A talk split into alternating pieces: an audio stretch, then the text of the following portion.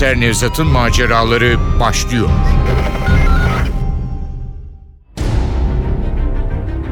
Agatha Christie'nin Sırrı. Eser Ahmet Ümit. Radyoyu uyarlayan Safiye Kılıç. Seslendirenler Başkomiser Nevzat Nuri Gökaşan Komiser Muavini Ali Umut Tabak. Komiser Muavini Zeynep Burcu Başaran. Nimet Aysun Topar. Erol Orhan Hızlı Rüştü Ali Ekber Diribaş Tomris Nilgün Kasapbaşoğlu Tülin Ayşegül Bingöl Silikon Hayri Onur Kırış Efektör Ufuk Tangel Ses Teknisini Hamdullah Süren Seslendirme Yönetmeni Aziz Acar.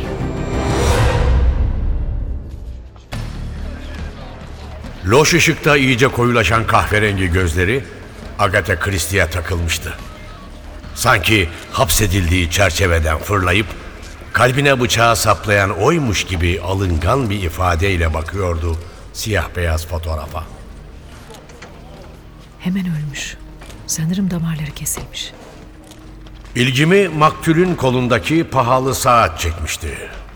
Camı parçalanmış, akreple yelkovan tam 12'de durmuştu. Belli ki katiline direnmiş. Çıplak olması da manidar. Adam muhabbetteymiş galiba. Agatha Christie'ydi. Evet, onun hayaletiydi. Vallahi diyorum Erol Bey, Agatha Christie'ydi. Neden inanmıyorsunuz? Nimet kendine gel. Ne agatası ne hayaleti. Abuk subuk konuşma.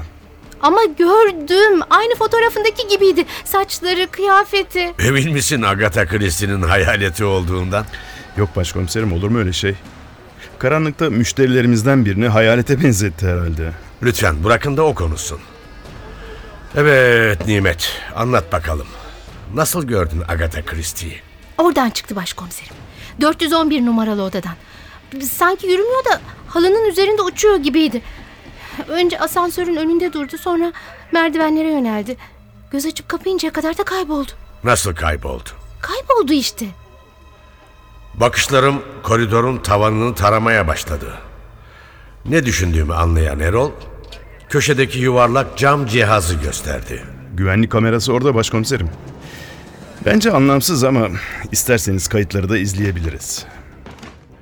Kamera kayıtlarını izleyeceğimiz alt kattaki odaya giderken anlatmaya devam etti Erol. Sürekli müşterilerimizdendi rahmetli Burçin Bey. Yeni zenginlerden. Emlak işi yapıyormuş. Evi İstanbul'da ama özel günlerde otelimizde kalırdı. Evet, Burçin Bey gibi pek çok perapalas aşığı var. E, otelimizde kalmak onlar için geceyi geçirmekten çok tarihin havasını solumak anlamına gelir. Kalmak nasip olmasa da aslında ben de çok severdim Pera Palas'ı.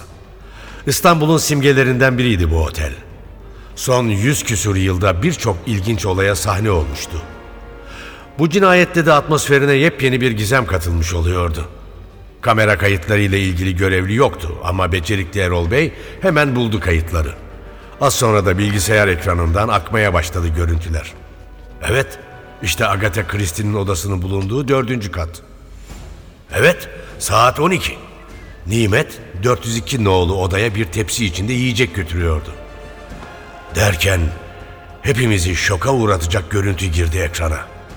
Ünlü yazarın İstanbul'a geldiğinde kaldığı 411 numaralı odanın kapısı açıldı ve Agatha Christie usulca süzüldü dışarı. Dur dur, durdur şunu. Anında uyudu komutuma Erol.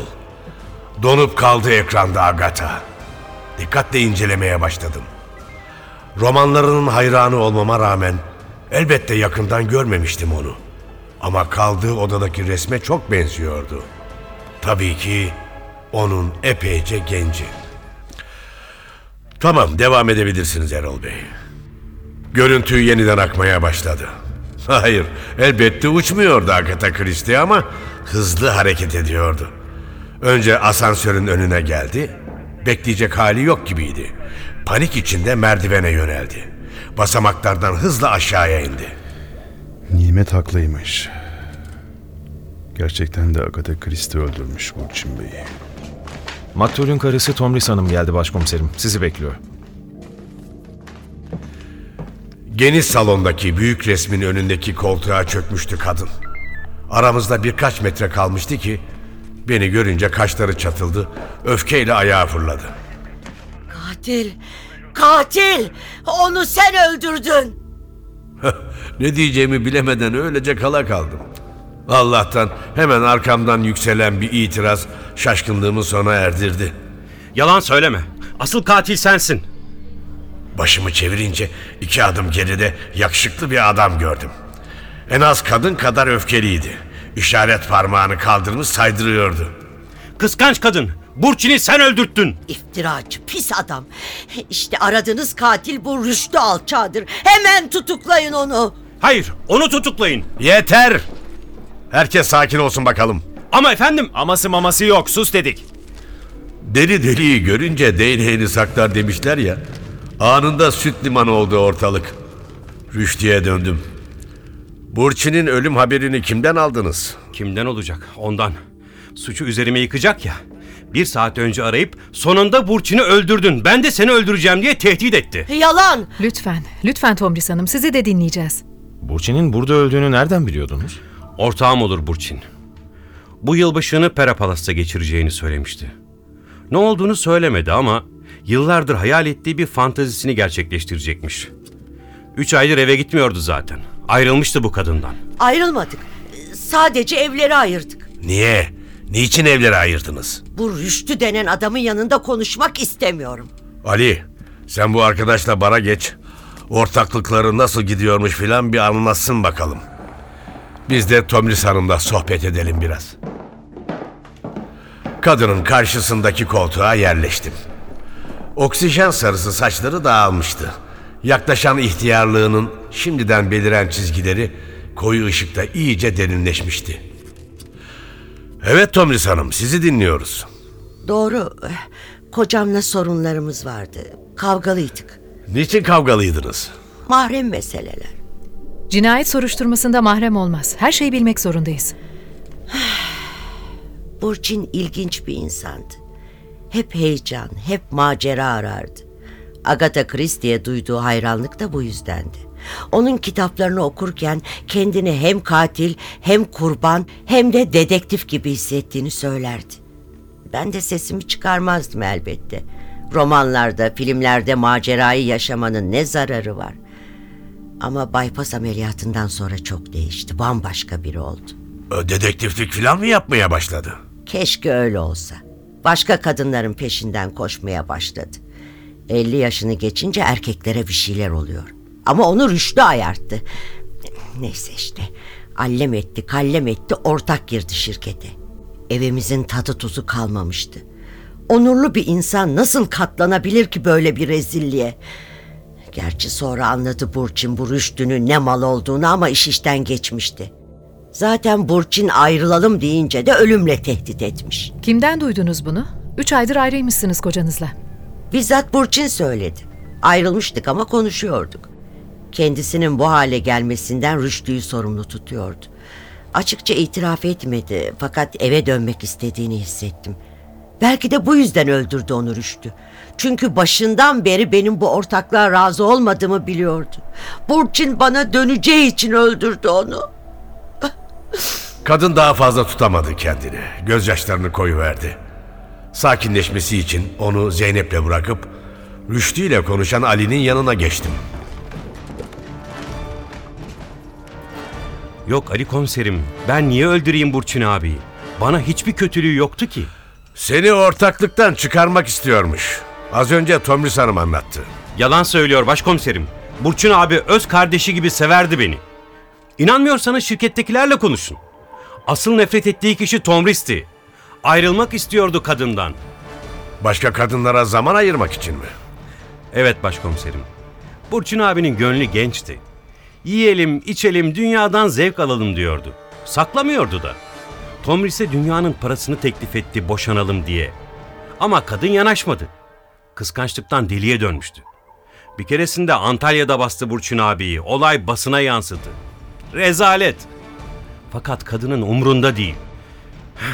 Sonunda kiralık bir katil tutup öldürttü adamı işte. Her iki zanlıyla da sabaha kadar konuştuk. Ama karşılıklı ithamlar dışında bir sonuca ulaşamadık. Bence Rüştü yapmıştır bu işi. Adamı gözüm hiç tutmadı. Evet, Tomris tutkulu bir kadın. Kıskançlık nedeniyle adamın canına kastedecek olsa bunu kendi elleriyle yapardı. O bıçağı kendi elleriyle saplardı kocasının kalbine. Bence de bu işi Rüştü yapmıştır. Söylediklerinden emin değildim. Şu Agatha Christie hayaleti aklımı kurcalıyordu. Sessizliğim Ali'nin canını sıkmış olmalı ki uzanıp radyoyu açtı. Kadın bir spiker yatak odası sesiyle haberleri sunmayı sürdürüyordu. Hollywood filmlerinin ünlü makyajcısının Karayipler'deki tatili sırasında köpek balıkları tarafından parçalandığını anlatıyordu. Spiker, ölen kişinin hem korku filmlerinde hem de bilim kurgu filmlerinde yaptığı makyajlarla harikalar yarattığını sayıp dökerken bende jeton birdenbire düşmüştü. Ama emin olmadan Ali ile Zeynep'e bir açıklama yapmak istemedim. Onları merkeze bıraktıktan sonra eski Yeşilçam'ın ünlü yönetmeni, şimdi televizyon dizilerinin becerikli yapımcısı Arif'i aradım. Bugünlerde kullandıkları en iyi özel makyajcıyı sordum. Silikon Hayri diye birinin telefonunu verdi. Eklemeyi de unutmadı. Türkiye'de bulabileceğinin en iyisi bu başkomiserim. Silikon Hayri'nin stüdyosu Bebek'te eski bir yalıdaydı. Ünlü polisiye yazarının fotoğrafını görür görmez şaşkınlıkla mırıldandı. Bu yıl Agatha Christie'nin doğumunun 100. yılı filan mı? Hayrola niye sordunuz? Bir hafta önce de bir kızcağız geldi. Elinde Agatha Christie'nin resmiyle. Bu kadının gençliğine benzemek istiyorum dedi. Ama sadece makyaj değil, kadının yaşadığı dönemin giysilerini de bulmamızı istedi. Bulduk. Dün de makyaja geldi. Kızı Agatha'ya benzettik. Başarılı da oldu. Fotoğrafını bile çekmiştim. Heh, işte burada. Evet. Pera Palas'ın güvenlik kamerasında gördüğümüz Agatha Christie'nin gençliği gülümsüyordu fotoğraftan bize. Şu Agatha Christie'ye çevirdiğin kızın telefonu var mı sende? Olmaz mı? İşte burada. Kızın adı Tülin. Tülin Hoşbakan. Elindeki pembe kart viziti uzattı burnuma tuttu. Çok pahalı olduğu anlaşılan bir koku geliyordu burnuma. Silikon hayrı hınzırca göz kırpıp pahalı zevkleri olan bir kıza benzediği bilgisini benimle paylaşıyor. Pahalı zevkler sunan zarif kızımızı biraz araştırınca fuhuştan iki kez gözaltına alındığını öğrendik. Ataşehir'deki dairesinde eşyalarını toplarken bulduk Tülün'ü. Boylu poslu, hoş bir kızdı. Sağ gözündeki taze morluk bile gölgeleyemiyordu güzelliğini. Bizi karşısında görünce hiç şaşırmadı. Direnmeden olanı biteni anlatmaya başladı. Eski müşterimdi Burçin Bey. Aslında iyi bir insandı. Çılgın biriydi. Bu yılbaşı manyak bir olay yapacağız dedi. Ben de yoksa Paris'e mi gideceğiz diye sevindim. Ne Paris'i kızım diye tersledi. Oranın modası çoktan geçti. Biraz hayal dünyanı kullan. Seni dünyanın en tanınan yazarı haline getireceğim. Ben de saf saf sordum. Kimmiş o yazar? Küçümseyerek baktı yüzüme. Kim olacak dedi. Agatha Christie. Sonra bir kahkaha attı. En büyük fantezim Agatha ile beraber olmaktı. Bu yılbaşı fantezimi gerçekleştireceğim. Saat tam 12'de polisiye romanların kraliçesiyle birlikte olacağım dedi. Ben de Silikon Harry'e gittim. Tıpkı Agatha Christie'ye benzedim. Burçin Perapalas'ta 411 nolu odada beni bekliyordu. Sanki Agatha Christie'ymişim gibi karşıladı beni. Komikti ama renk vermemeye çalıştım. Yedik içtik, o dönemin müziklerini dinledik, danslar ettik. Saat 23.45 gibi yakınlaşmaya başladık. Fakat Burçin gergindi. Amacına ulaşamadı. Sakinleşmesini söyledim. Yeniden denedik. Yine başaramadı. Beni suçladı. Sonra kavga etmeye başladık. Birden üzerime saldırdı. Suratıma sert bir tokat indirdi. Daha da vuracaktı ki komodinin üzerinde duran meyve bıçağını kaptığım gibi sapladım göğsüne. Evet. Öylece yığıldı yatağın üzerine. Galiba o anda öldü. Ama tuhaftır. Ölmeden önce suçlayan bakışlarını bana değil, o ünlü yazara çevirmişti.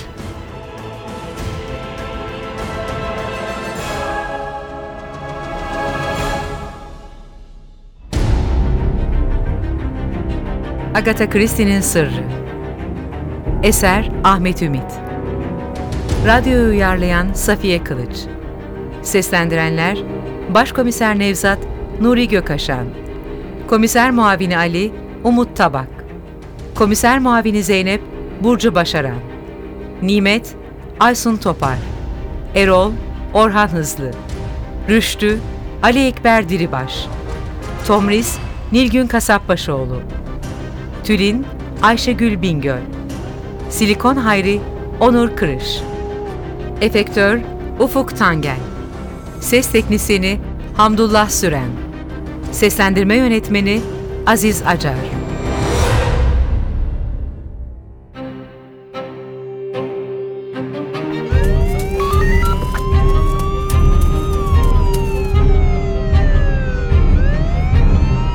Komiser Nevzat'ın maceraları.